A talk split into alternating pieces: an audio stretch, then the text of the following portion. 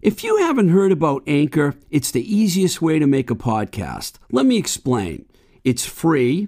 There are creation tools that allow you to record and edit your podcast right from your phone or home computer. Anchor will distribute your podcast for you so it can be heard on Spotify, Apple Podcast, and many more. You can make money from your podcast with no minimum listenership. It's everything you need to make a podcast in one place. Download the free Anchor app or go to anchor.fm to get started.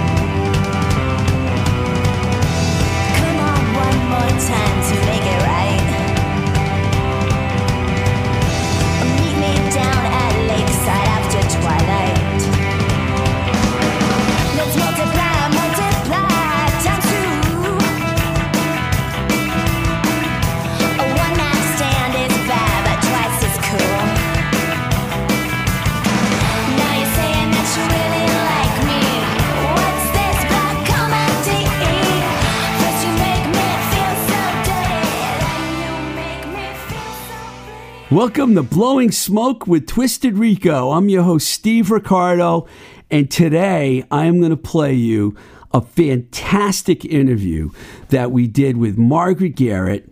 Uh, from Mr. Airplane Man, who now has a, she's doing a bunch of solo stuff with her own band too, and she's like she's so cool. I mean, when you hear this interview, you're gonna love it. You know, I mean, I I always call Mr. Airplane Man Punkified Blues, and she kind of set me straight a little bit because the band is way more than just that.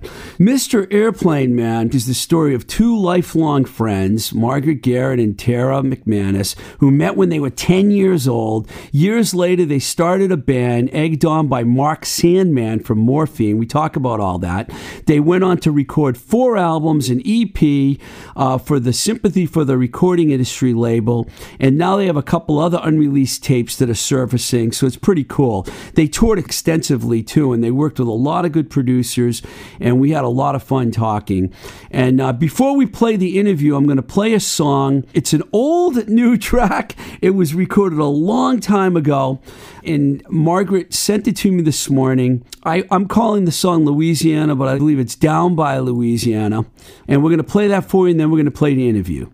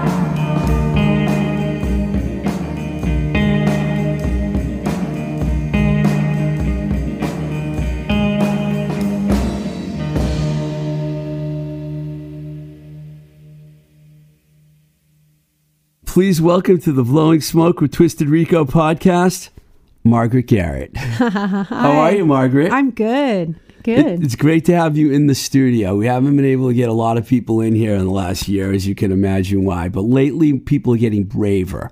So it's like, and we're very safe. So. yes, I feel that. Yeah. So how has it been for you, by the way, for the last year? Because I think you went to Europe right before the pandemic and did a solo tour, right? Right. So you came home and Yeah, exactly. Yeah. It's been, you know it's been okay considering what other people have gone through. I've been one of the lucky ones. And it's been, I mean, there's, it's, I think it was really rough right in the start. And like everyone else, there was so much anxiety and just depression just like came right in and not knowing. And it was really tough. And I like, you know, drank too much wine every night and ate bad food. too. I stopped exercising. It was a, I was remembering this. It was a really rainy, dark April, uh, March into April. Like it was an unusually rainy. yeah, it was it was not good when the whole thing first started. Oh God, yes. just ugh. And I but think did- I- were you creative at all? Yeah, I think I had to eventually like ask myself like, how are you going to get through this? Are you going to just go down? Because I think I did stop playing for a bit. You know, there was the whole not getting to be able to play with my band, and so um. But I, I did kind of start lifting myself out of it, and the spring started to you know happen, and that's very always very uplifting. Um, and then I did start kind of holding up with GarageBand and writing songs and you know it was in in a way the silver lining was that I had a chance to really hone in on my songwriting on like getting like lots of different layers I was ex- I was doing multiple guitar tracks and then I started like experimenting with like trumpet That's- sounds So you were and productive. I had fun Now yeah. you were in LA, but you were back here before the pandemic, Right. Right. I was going to ask you about LA because I lived out there for Yeah, a long time. yeah. and on the phone you said you like LA. I love LA. good. I love LA. Too many Boston people go there I and come back, and I I didn't come back because I wanted to. I Oh, kept no. getting when I was working for labels, I kept getting moved to New York, and I was going back and forth, and I wanted to stay in LA. And I still want to be in LA. So you liked it. yeah me too Was it mostly because of the weather, or Well, the weather does have a lot to do with it, and I love like flowers. I'm th- my my reasons for loving LA are incredibly simple. I, I mean, I didn't really go out that much, and I have a, a son, and you know, it was really like a lot around just trying to survive and getting him through school and all that. But uh, I was a dog walker. I've been a dog walker Oh, for the last eight years. job. Yeah, and so I'd just be walking through these neighborhoods and encountering these incredible flowers at every turn, and they're huge. You know how it is? Oh, yeah. it's towering above did you live at the beach, or did you live inland, or the valley, or I actually lived in Koreatown, which I love. Oh, absolutely love downtown. Koreatown. Downtown, Wow. yeah, not a great, like a little bit of an Wow, unsafe that's- neighborhood, but we loved it. That's really Yeah. surprising. See, I lived in Marina Del oh. Rey Oh. and Redondo Beach, and then I lived in Studio City and oh. Encino. So I was away from. Yeah. But I used to go downtown every now and then. It could be a little. I was there during the LA riots, so Really? that was a reason not to go downtown sure. in the '90s. You know, it was scary around there at that time. So, um, I have to bring this up because uh, do you remember way back in the late 90s when I came back here? I used to come to the 1369 coffee shop and you were working there, and I used to bug you for extra lemons, which I squeezed my lemons in this iced tea that I have in front of me, but I do have extra lemon. nice. You were my favorite when you worked there. Oh, really? Yes. Oh, I'm so honored. Yeah, I'm always happy to accommodate those picky things because I'm very picky when it comes to how I like my coffee and tea. And Inman Square kind of is where you started because a lot of people say that Mark Sandman was er- involved with you early Oh, on. sure, you know? yeah. Well, so the story is that um, uh, before, way before I hooked up with Tara in a band. Um, well, we've been friends since we were ten. So Right. yeah, we. So actually, um, after college, I became a huge Morphine fan right around the end of college, and um, used to go see him play. And um, the funny story is that I went and approached him one day and asked him if he gave guitar lessons. Oh. And everyone's like, "Why did you ask him, who's famous for his bass?" And I was like, "Because he also played in the Hypnosonics, where he played guitar." Right. And I'm just going to mention that Hypnosonics, which is really one of my very favorite bands ever, they Wow. they just released their record of from from back in the day. They those recordings that they made. Did High and Dry do that? I think they did record it Wow. at High and Dry, but it's just been released, and there, there was even an article and a um a right a segment on NPR about it. But yeah, so check that out. But See, I don't know much about them. Treat Her Right, I know about. Oh. right, they were so good. So it was it was Mark Sandman's attempt to just work out new material and let it be totally loose, and it was like secret. They were Yeah. quote unquote secret shows. you have to do that when you become a star, right? but it made it so great. It was so intimate. It was at the Plough and Stars. But anyway, I got to know him through that, and then um, he agreed to mentor me. You know, and he really did become one of my greatest mentors to this day. He's yeah, and um, at one point I said I really want to start a band. How do I go about this? Do I like put an ad in the Phoenix? And he looked at me and said, "You need to just travel, like get out of Boston." Just travel. Good advice. And that led me to the only place I knew I could easily just go and hang out for a while, which was my best friend Tara, who was living in Arizona. And I Really? just went out with my dog and my minivan, and we just ended up in um, Arizona. And then I played for a little while with Tara's friend, who was a drummer. And that just like, after a while, I just couldn't relate with where he was coming from. And I was like, Tara, we have this long, you know, history of like, we were like punk rockers together, going to the Rat. Like, she moved to Arizona after mm-hmm. school or something? it was part of school. She went to this college out there called Prescott College. She lived so we were in in Prescott. Prescott? Yeah, that's where we lived. And I lived there for a little while too. Kind that- of rednecky there, isn't it? I've been yeah, there. yeah.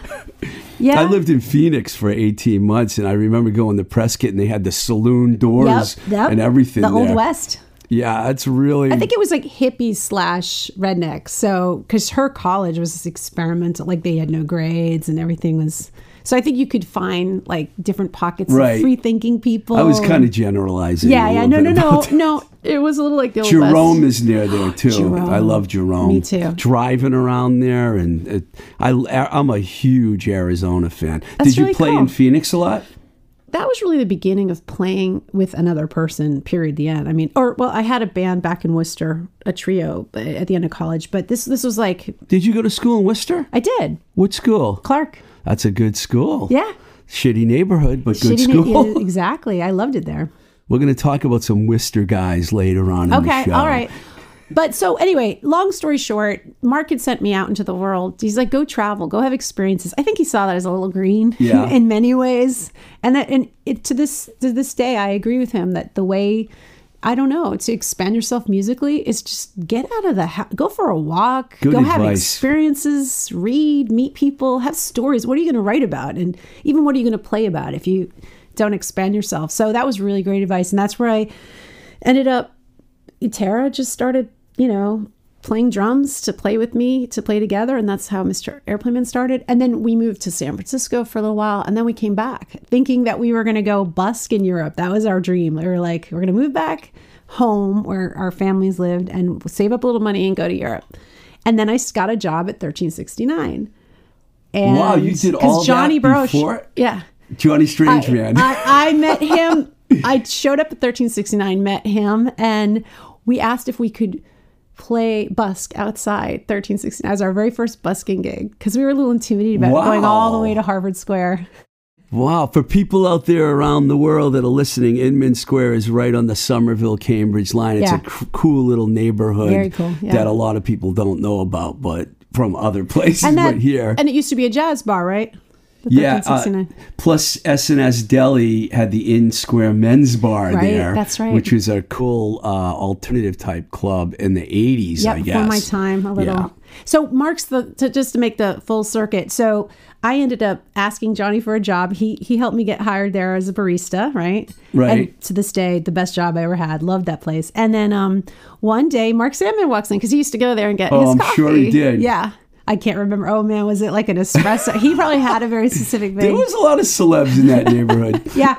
So he walked in and he's like, You're back, right? Because he sent me out and I had this, you know, it was like Dorothy coming back and I had this whole thing happen. And then I was like, Yeah, I'm back and I have a band now with my best friend. You took his advice. and I said, You should come. And we're playing at Toad, you know, because at that time we, we had a show upcoming and this is probably 98, 99, around then. exactly. Yeah. It was probably 98. And then um, he showed up at Toad. He loved it and said, "Why don't have you made any recordings yet?" Which will segue into yeah. And we, uh, at that moment, we hadn't, or we yeah, hadn't anything really formalized. And so he invited us to come up to the loft, and that's where we made that first record with him.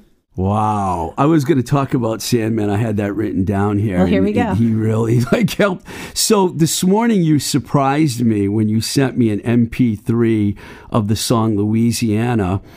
And thank you very much. Mm. I can't wait to hear the backstory on the song. It turns out that song was one of the really earliest recordings that you did. Tell Yeah. us about that, because right now it, people have already heard it because we played it before you this interview. So tell us about that. Right. So this would have been the round, the exact same time I'm talking about with meeting up with Mark again, which was that Tara and I had this rehearsal space at Hummel Vision, which was the recording and practice space of John Hummel in uh, JP, like Okay. right around the corner from the Brendan Behan.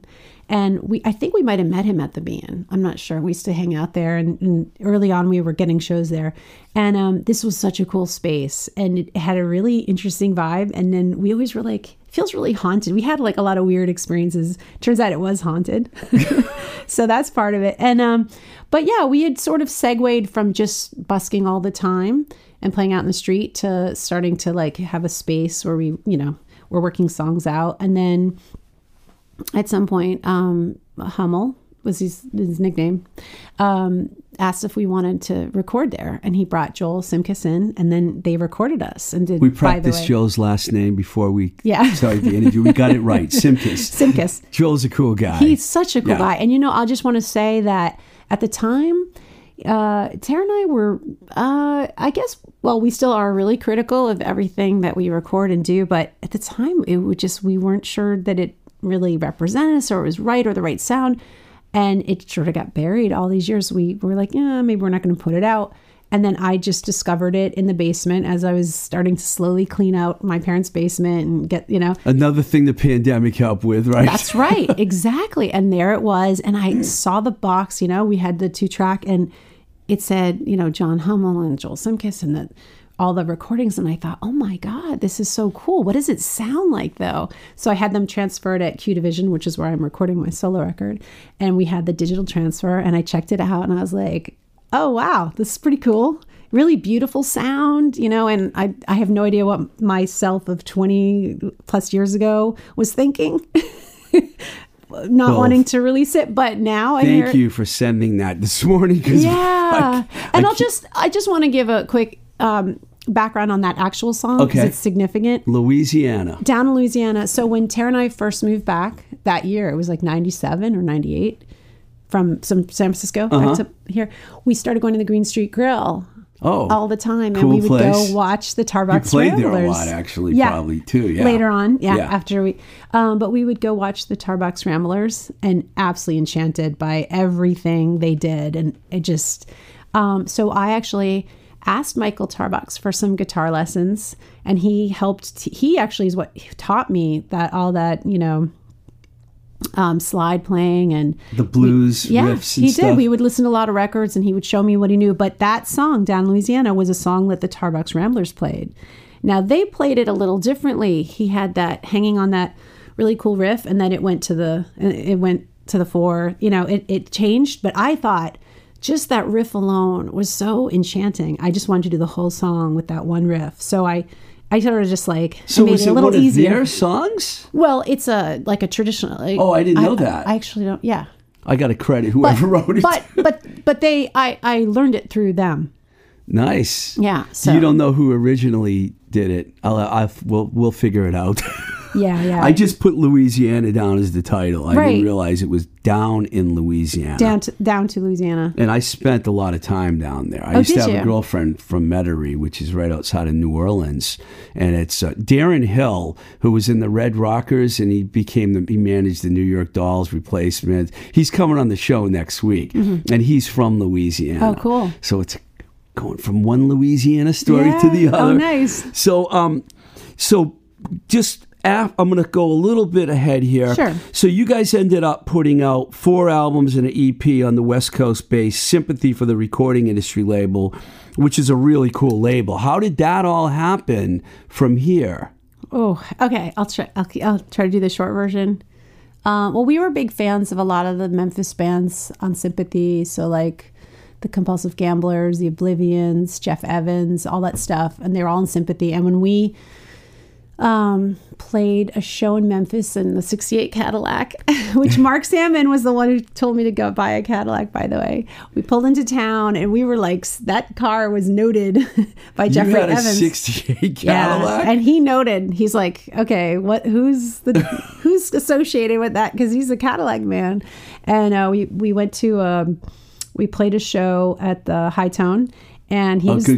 club. Yeah, he was there, and he invited us while we were we were in Memphis for a couple of days, maybe a week before we went down to Louisiana, played some shows, and came back. And then um, he invited us to to record at his his uh, home studio, and we recorded Red Light there. And then he sent it to John and said, "I think you're going to dig it." And then John called us and was like, "Let's put this and out." you stayed with them for a while. As a matter of fact, John is going to put the uh, Hummel Vision recordings that we've just been talking about from 1998, the very first recordings we ever did, even before Mark Sandman. He wants to put it. He's going to put it out in vinyl. That's fantastic so because look out for that. That'll be coming. I, I have, uh, you know, my memory's not that great either. But you know, come on, DJ, I love that record. You know, Red Light was 2001, Moan in 2002, Come on, DJ 2004. Then you took a little break, and then 2008, Jacaranda Blues. Did I say it right? Yeah. Jacaranda Blues. And um, L.A. plus, you have another EP that's kind of Yeah. on the low right now, and you you, you hopefully will be releasing it. Maybe? Oh yeah, no, we'll definitely release it. So that was our last recordings we did, um, and we just hadn't had a chance to mix them. And then I've been at Q Division. Is that going to be on Sympathy too? Um, I don't know yet. We we're we're still trying to figure out what's going on with that. So that's a little Okay. In the works. I didn't mean to throw a curveball No, no, it's all right.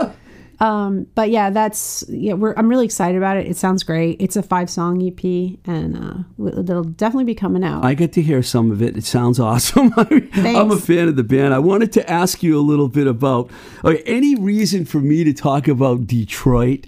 I love Detroit. I love everything about Detroit. Every time I go there, it's people like it's so scary there. I love it. Jim Diamond, who you worked with, his studio was, was in between two abandoned buildings. I've been there several times. You made the Moanin' record there. When you went down there, that must have been kind of trippy for you guys to record when you found out you're pretty much in an abandoned city. Because at that time, they weren't rebuilding Detroit. Yeah. Did you stay at one of those raunchy little hotels around there? Or? no. Um. where- oh my gosh. That's I stayed at a couple of those Did you? hotels. Yeah, the Charms were recording there, and they were there for like a week, and so I went out there. But what was it like? Because you know, it made sense though, because Jim had done the two first White Stripes records, Right. and not that you guys are exactly like the White Stripes, but there's a couple similarities going on Right, there. right. So did is that why you went to Jim Diamond? I mean, I think it it might have um, been suggested by John at Sympathy, or we just loved his work, so maybe we.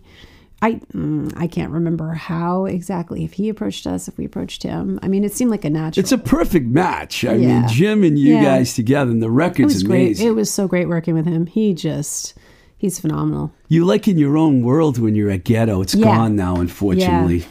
Oh, it's so sad.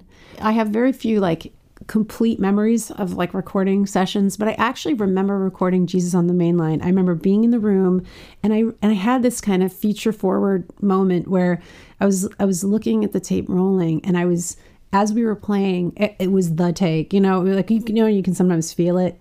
It was very magical. The feeling in the air, the sound. Oh God, he got amazing. That sound two inch machine he has two there is legendary. and i was actually visualizing as we were making the song mm-hmm. hearing it coming out of speakers in, into the future and it was somehow also connected to the past like it was a great moment where i felt just past present future all connected in one moment and he created that kind of space he really did he was really good at getting all the sounds just right and then kind of sitting back and letting your magic just He's a 24 7 guy for sure. Jim Diamond, I mean, Yeah. I work a hard working Yeah, guy. Yeah. I mean, I loved working with him. That's why I had to ask you about Yeah. that. Did you, um, I mean, when you were, did you like? Did, did are you, fam- you? I'm sure you're familiar with all the history of Detroit Motown and all the great garage rock bands and everything. Did it make? Did it give you that feeling Oh, when you're in. Detroit? I, I really believe that. I really believe any place is filled with the ghosts,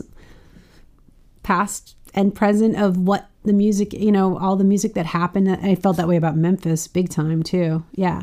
And in Boston, you can't deny it. There's so much good music that I feel really this gratitude to have been born here and just come into this scene. In fact, I wanted to mention I, I listened to some of your past episodes. They're so Thank good. you. I so enjoy hearing. I'm so I feel so lucky to be uh, doing one with you right now. But um, I was listening to the Mickey, My pleasure, Yeah. completely. I listened to the one with Mickey Bliss, who I love. I love. And by the way, the last show I played, the last time I was on a stage playing a show was at the Cantab. Club Bohemia. March 7th. It was right before the pandemic. Wow. Yeah, in fact, there was a lot of nervous feeling in the air and not a lot of turnout and unfortunately it was a great show and it was a great night but you know we all felt this impending doom and it was the last time i was in a club I loved it when when I gave Mickey the option about whether he wanted to come in or not because it was still kind of a shaky time, and he's like. I'm definitely coming in, Steve. Yeah. so he came down, and we're old friends. I've known him. Well, you probably heard in the Yes, interview. We I go didn't way know back. that. It's so College cool. radio. I was playing his i didn't know that cocktails for two single, but he's a really cool guy. he's amazing yeah, So I mean, I I called um, just a little more about Mr. Airplane Man. To me, I call you guys a punkified blues band. Do you feel like that's a good way to describe your band? I mean, I know you've changed now. The newest stuff I heard is definitely evolving more away from the Howlin' Wolf kind of sound of. You seem like punkified blues, isn't it? Well, I, that's that's a dimension of us for sure, and that one that I think a lot of people have latched onto. I mean, you know, between you and me, like I, I know the history of Tara and I and everything we've loved and listened to Uh-huh. and been influenced by since we were ten years old. Yeah. And when I think of that, I was like, well, yeah, but our first one of our first um influences after well punk rock. We were punk rockers together hanging out at the rat you know like going to shows. Um but we also just loved morphine and hypnosonics and mark Sandman. So there was this i think that Lo-fi kind of thing. well, it's lo-fi, but it's also like beautiful soundscape, low rock, mellow, you know, like subtle, um, and and like really groove based. So there's, I think there's like, oh, and then we were really into like King Sunny Adé. I remember a mixtape a friend made in high school and had King Sunny Adé on it, you know, and and Saccharine Trust and and the Minutemen, like Saccharine Trust. Yeah. Wow. And so if you I talk didn't about mean- Saccharine Trust- I wasn't trying to put you in a Well, no. specific category. right well that i understand that tendency for but what i mean is sure we we like but if you look as early back um even on Moanin', like with not living at all, which is by the way a huge tribute. Like that was our our that was my attempt to do like a help you Ann, which you can't Oh. sound it doesn't oh. sound like it, but it's a chord progression is like almost the same, you know, but it's done in a really different way. So I feel like the influences have just been for us, there's there's many, many. But that's what I think a lot of people maybe latched onto, which is fine. But I think there's You're multidimensional. I think so. Yeah. And when I think of what both Tara and I like what we're listening to now and what we're doing, it's just there's a lot of different stuff going on. I mean, she's been like she's like learning how to do that Ethiopian stuff on Farfisa. Like, come on, how cool is that? That is pretty cool. Yeah. Well, it's a good segue that you brought up Help You Ann because I was going to talk about the Liars Oh, yeah. because the last two times I saw you were at Liars shows. And, uh, you know, both Dave and Steve are good friends of mine. I mean, I know I know Jeff too and, and, and Paul, but I Dave and Steve, you know, they're from Worcester, and I grew up in that area too. And Steve and I went to college together. Oh, man. And I used to go see his band, Crazy Jack and the Automatics, on a regular basis. I was almost like their groupie. You know, I was their groupie. In fact, they were one of the first punk bands I ever saw. It was 79. I was Wow. a teenager. And there was the Blue Moon Band, the Lynch Mob, the Worst, which, by the way, was Rachel Levine, Duke Levine's sister. oh, Yes, wow. in the worst. And um, so I got to know Steve a long time ago, and I was so happy when I heard in the 90s, I think it was, that he ended up in the Lyres. And now Dave is a very good friend of mine too, Dave Spaz. You know, he's the bass player, and those guys. So you must have a thing for the Lyres because So- you went to their last two shows. The last show I went to was January at the Middle East, right before the pandemic, and I saw you there. I said hi to you. Was I up front dancing? You were with Steve. You were talking to oh, I Steve was talking to Steve. Okay, so I'm going to quote you now, and I won't get it completely right, but you said um, in one of these episodes, and I think you were talking to Rick Harte. I'm not sure, but you said that Steve Aquino is the most underrated, like, great rock guitar mean players. that. And I'm going to just say I completely agree with you. Wow, thank you for. Absolutely one of my Yeah. guitar heroes. He's just doesn't.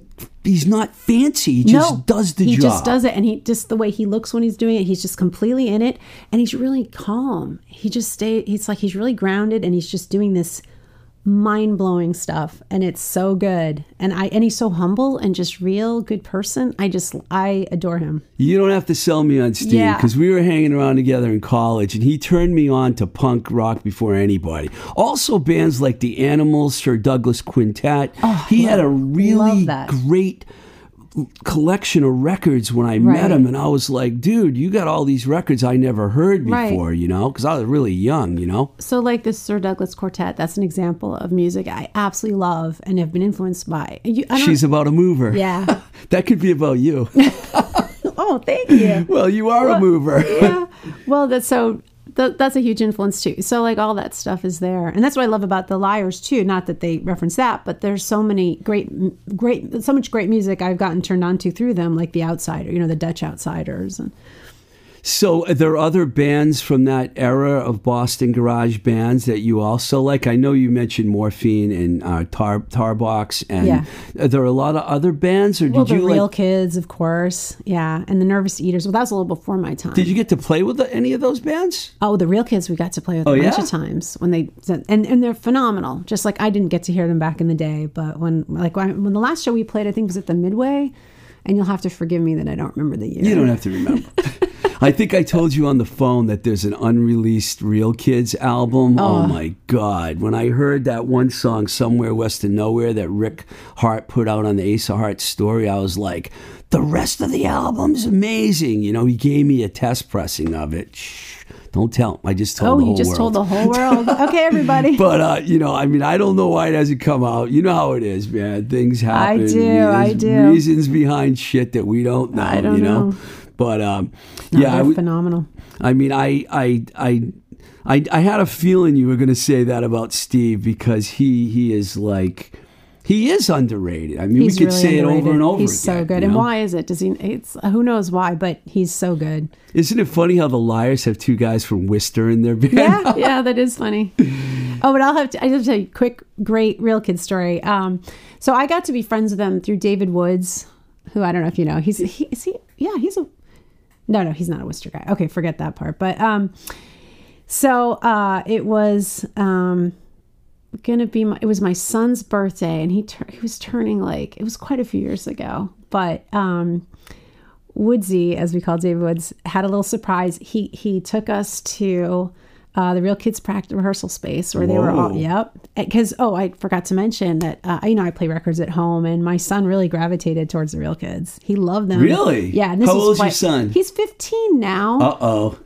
so he's listening to no he listens to really he's got great music taste it's different than mine a lot of it. It's a lot of hip-hop but i love it. He's really in rap. He's really got good taste. But um but this was back then i don't know probably five years ago. I think it was pr- before he moved out to la and um so maybe he was like 10 or something.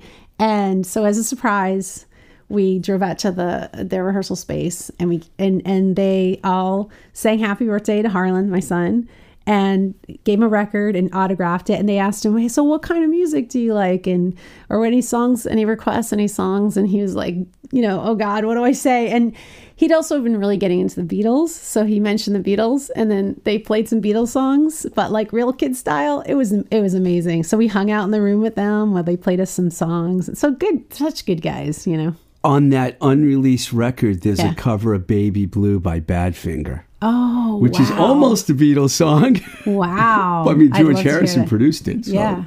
But um, Well, now I want to segue into your solo stuff because I spent so much time listening to all your new material and things you've done in the last few years. To me, a lot of it's more dreamy and psychedelic, but you really pull it off. And um. I couldn't decide what song to play because you sent me a bunch of really good songs, and I'm going to play Dance with Me in a little while.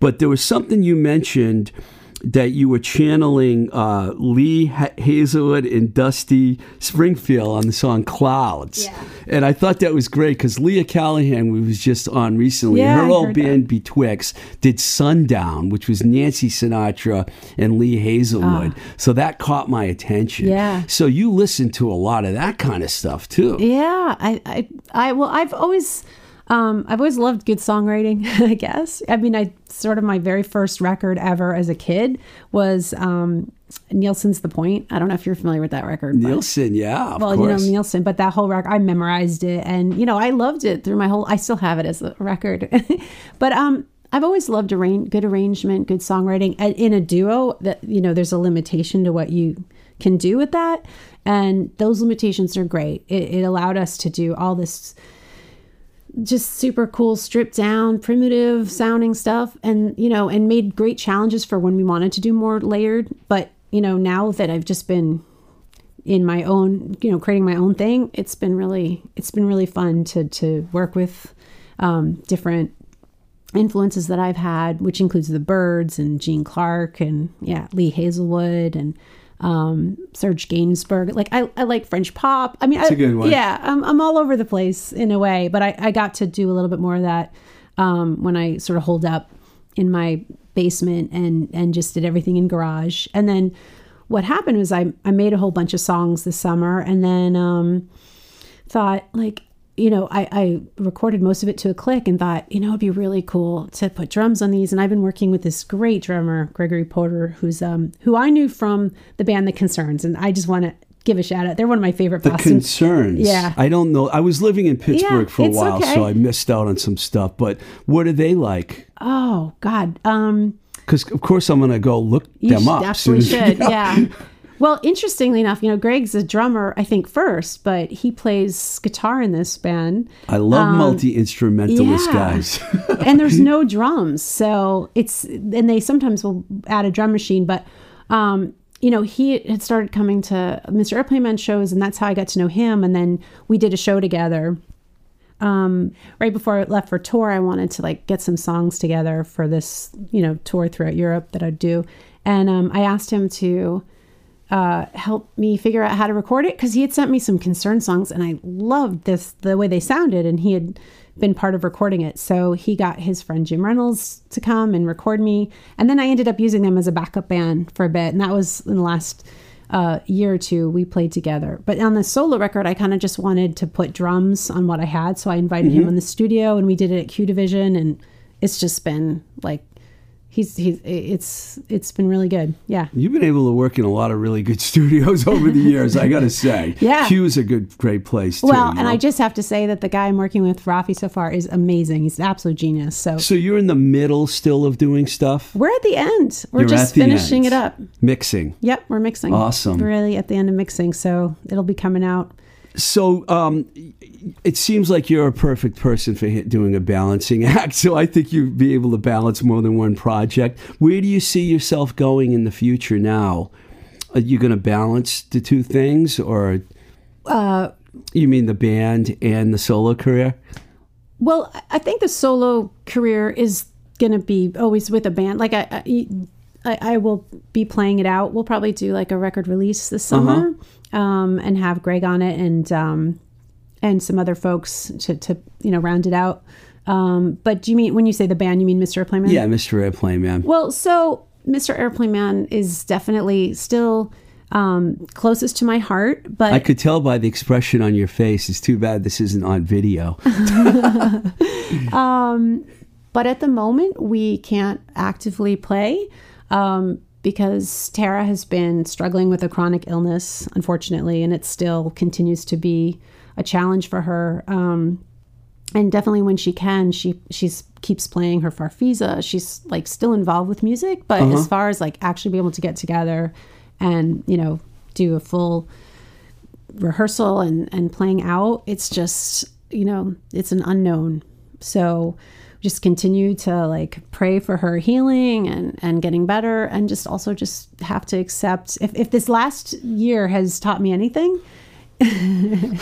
it's that you know we have to just accept things as they are sometimes and just be do our best to um, you know be patient and and find the silver lining wherever that is what's the silver lining you know what can we so one of the silver linings is that we do have we found these old recordings and so far we've had great reception people have been really supportive. I'm sure it's going to get Yeah. better and better. and then we have this great EP that we're going to be putting out. It, um, we're still figuring out the details on that, but it's it really is. It sounds amazing. I'm like I'm really happy about it. We're really Yeah. happy about it.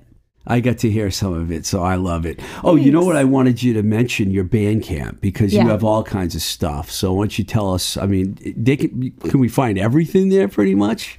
Yeah, um, as it comes out, sure. So right now, the new um, the Hummel Vision release is there, and then when we um, do the vinyl with Sympathy, we'll sell records. And also, by the way, Moanin's been out of print, or it's we haven't. Uh, it's not been circulated, but we're gonna. We just got some backstock coming our way. Oh, vinyl? Yep. Nice. and also the Shaking Around EP that you asked about, and uh, at one point, and the Johnny Johnny single. We have like records are on You the way. John's gonna. John's gonna be sending us some records, so we'll have stuff to sell.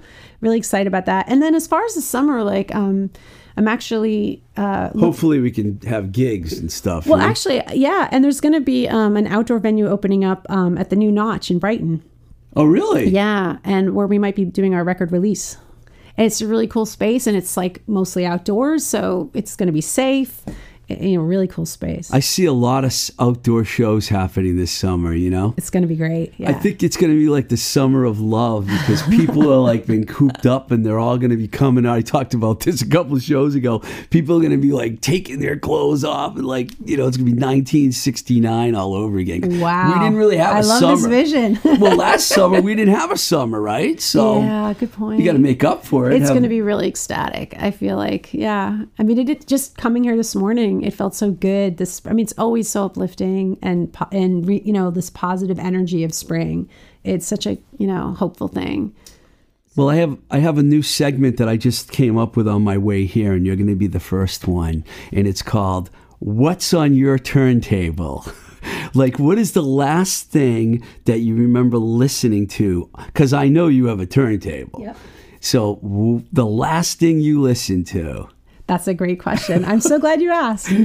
So there's this record that um, Gregory Porter, who's the guy I've been playing with, who's a, an amazing drummer, he um, made this record with this guy Sidney Linder, and it's like Sidney Linder in the the Silver Wilderness. And this record is it's just like I'm obsessed with it, and it's so good. So I don't know if you have like links that can go up or something, but should check it out. I'm so it's- I'll, I'll put it up there. Do you- amazing songwriting um, beautifully recorded just in fact i'd say that it was I, I heard it back in the summer i think i heard it back in the summer and that was a huge inspiration and and you know some of the songs I imagine you have like a whole wall of records at your house. Well it's i'd say it's in the basement so it's in like that's my space that's my my little getaway space is in the, and then my son started taking it over with his friends and now they're going through my records. Uh oh. yeah no it's cool actually i kind of like it like they're like discovering you know being teenagers and what all that means Too bad people can't see the hand sim- i know there was a hand symbol there um and they pulled out the led zeppelin you know Oh. yeah and then they even pulled out some of my like um zamrock records and just like getting into So you have a very shit. eclectic collection. I'd say- yeah probably maybe yeah Yeah, I got about fifteen hundred records at home. and, uh, whoa. I had a lot more, but I ran into some financial trouble a few years And ago and like, sold records I wish Hey. I didn't sell. But oh oh that's but rough. there's always some that you never will sell, That's no right. matter what. That's right, right, for sure, for sure. Well, thanks a lot for coming on the show. This was fun. Oh, I've been wanting. I've, I've had you on my list for a long time, and I'm like, I hope she says yes, I and you just really appreciate that. That's so great. Well, I'm so glad you had me. It's really fun talking with you. and uh, Yeah. you know, I wish you nothing but the best, and I hope I get to see you play out soon. Okay, cool. Margaret Garrett, thanks a lot. Thank you.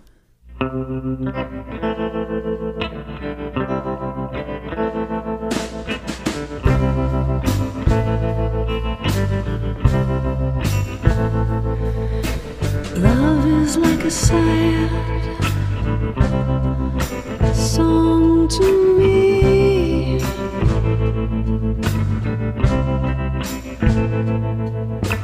Makes me wanna sway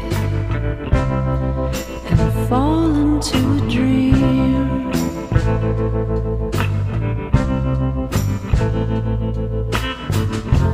Do you wanna dance? Dance with me.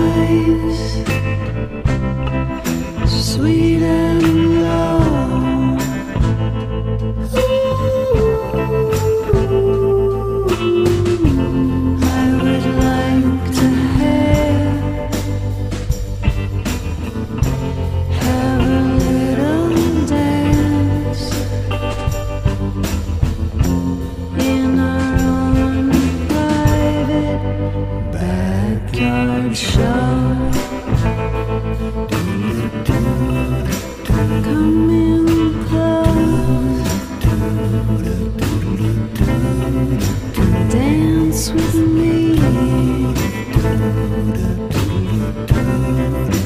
Dance with me.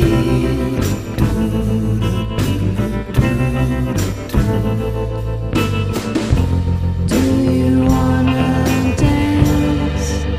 Dance with me.